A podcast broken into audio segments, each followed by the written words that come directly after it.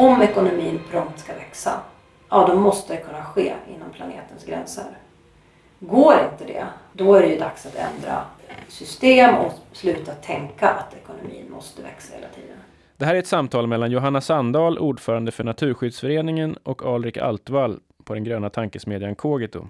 Samtalet ingår i projektet Samtal om tillväxt, där tillväxtens betydelse för samhällsekonomin diskuteras med ledande debattörer, forskare och politiker. Jag kan ju känna att det finns, absolut inte för alla, men för väldigt stor del av befolkningen finns det väldigt mycket pengar att göra saker för. Eller det är ju så, men många har ju mer pengar än tid.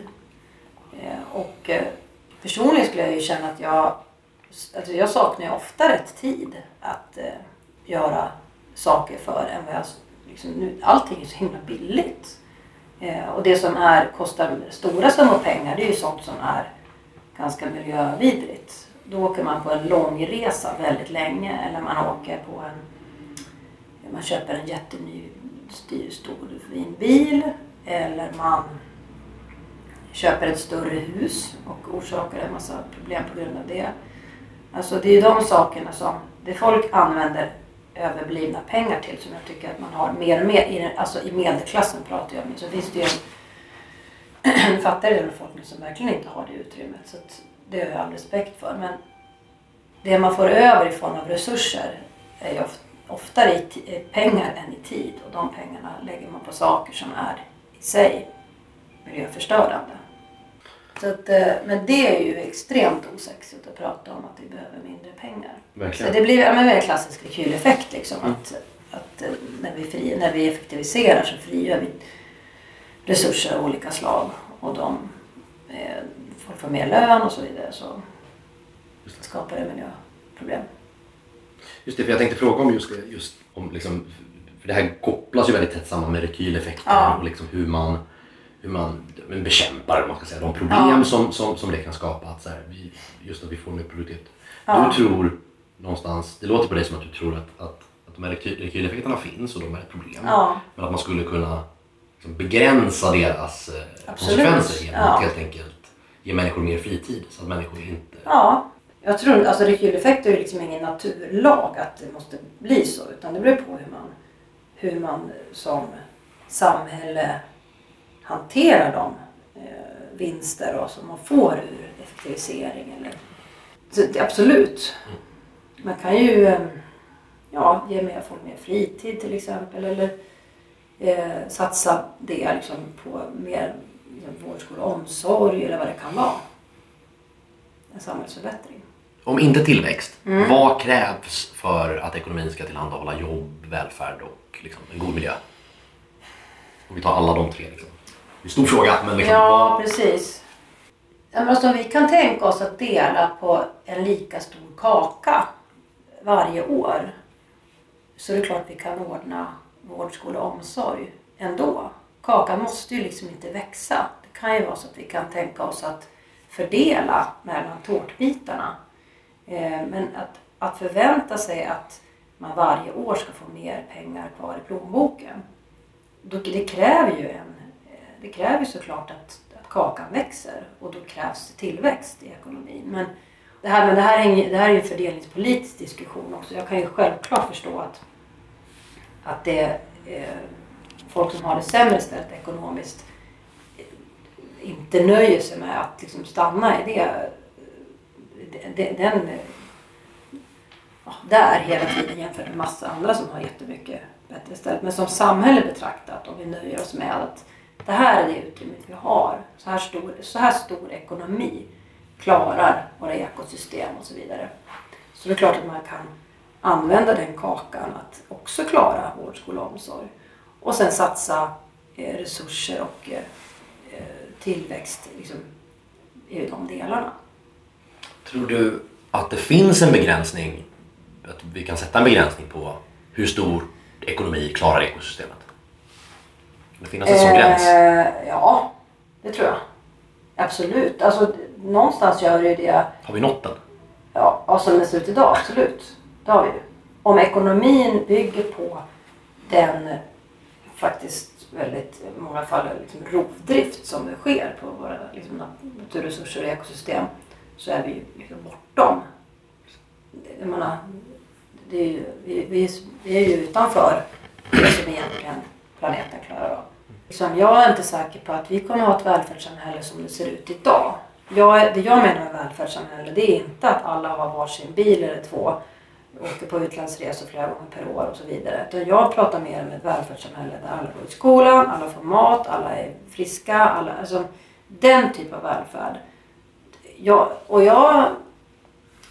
Alltså det, det, är i alla fall min, min liksom, jätteviktig utgångspunkt för mig. Att den utvecklingen måste vi klara parallellt med klimatutmaningen. Jag, är liksom inte, jag tycker det känns hårt att, jag väldigt, att, att offra liv i fattiga länder för att vi ska klara klimatutmaningen. Det, jag vill inte tro att det är nödvändigt. Jag vill kunna tro att, att vi kan klara klimatutmaningen och fattigdomsutmaningen samtidigt. Eh, det känns väldigt, väldigt viktigt för mig. Och det tror jag kommer betyda att vi får en annan typ av välfärd här. Jag tror inte vi kan räkna med att ha ett liksom, välfärd as we know it idag. Utan det är mer andra, eh, den, den, alltså välfärd i formen eh, liksom, frisk sjukvård, skola, den där typen av, av frågor. För att jag menar, alltså för att kunna, det finns ju ett visst, du har säkert sett de här kurvorna med energifattigdom, alltså att det finns ju ett mått av, det krävs liksom ett, ett visst mängd eh, energi för att överhuvudtaget eh, klara fattigdomsutmaningen och eh, alltså för att kunna ha en lampa när man läser läxan, för att kunna laga mat till sina barn som är näringsrik och så vidare.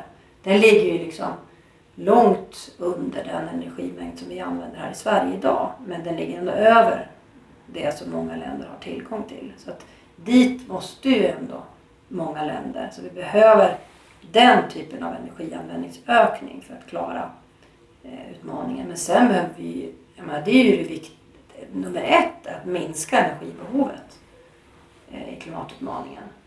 Och sen den energi vi behöver ska ju självklart vara förnybar och så vidare. Det låter som att man inte vill försämra, ja. alltså markant försämra människors levnadsstandard. Ja. Det är klart att det finns vissa sätt som man kan försämra inom citationstecken mm. människors levnadsstandard och det kanske känns okej. Okay. Mm. Ehm, men, men, men ska alla människor ha samma levnadsstandard?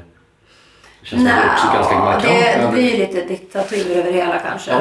Liksom, så att, men jag tror ju att Nej, men jag tror på radikal minskning av köttkonsumtionen, radikal minskning av utlandsflyg, radikal minskning av eh, transporter med bil, radikal minskning. Alltså, det, där, det är där våra ton finns. Liksom, det är ju bilen, biffen, bostaden. Det är ju de. Och nu har vi liksom... Men det är också just koldioxidutsläppen. Det är andra resurser också som är ändå. Ja, ja visst. Så är det. Vi fortsätter ju köpa massa mobiltelefon, ja. datorer ja. Eh, som produceras liksom. Av, ja. av, alltså, Absolut. Det skulle vi också behöva minska i så fall. Ja, det tror jag. Mm. Eller i alla fall åtminstone, ja det, det blir ju minskning med, med längre livslängd.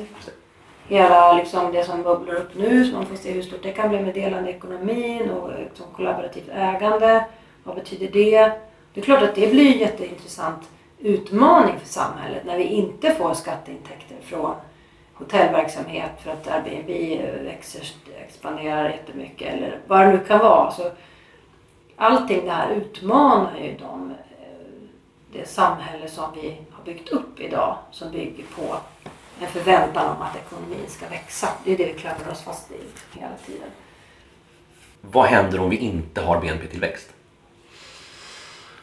Ja, vad händer då? Det är ju det ligger väl en del i den, det är inget konstigt, i det som är anledningen till att vi vill ha ökad tillväxt eller ökad ekonomi, hela, större ekonomi hela tiden.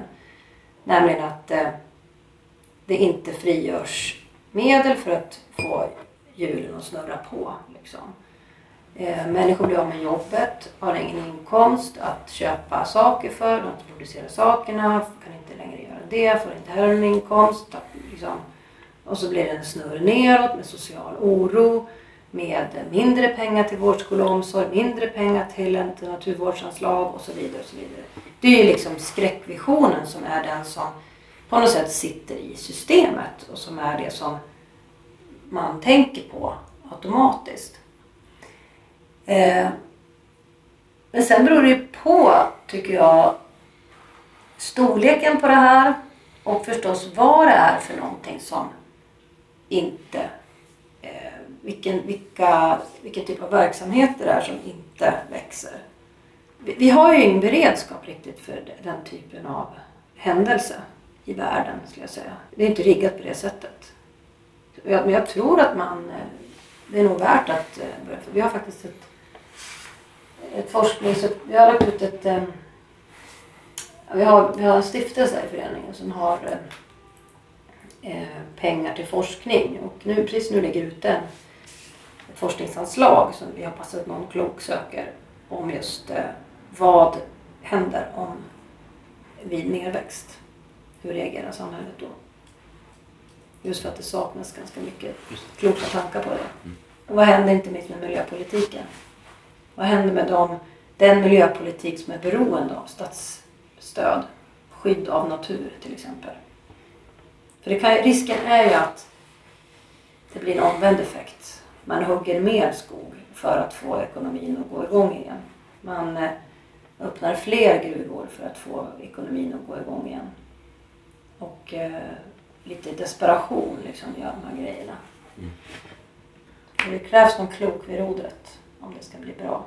Men du tror ändå att vi, tror att vi kan hantera på något, kan du se något sätt att liksom hantera eller undvika de negativa konsekvenserna då av den uteblivna tillväxten? Ja, i ett land som Sverige tror ja. jag det. När vi har liksom en förhållandevis stabil ekonomi och vet men man kan ju tänka sig en liksom, keynesiansk politik där man får hjulen att börja snurra igen. Men då är man tillbaka så här, då vill vi ha tillväxt. Ja, det är liksom hela poängen. Att investera i sånt som är... Jag tänker snarare konsekvenserna av den uteblivna tillväxten. Ja. Givet utebliven tillväxt. Det beror ju helt på vad som sker när den tillväxten uteblir. Om det sker, blir liksom desperata handlingar för att få hjulen att börja snurra igen. Eh, ja då agerar man ju helt fel. Men jag tror att det finns, eh, det behöver inte bli så. Och jag menar, konsekvenserna behöver inte bli så heller. Men jag tror att det är en, diger utmaning. Däremot så kan det vara värre i länder där, där det redan är väldigt skört.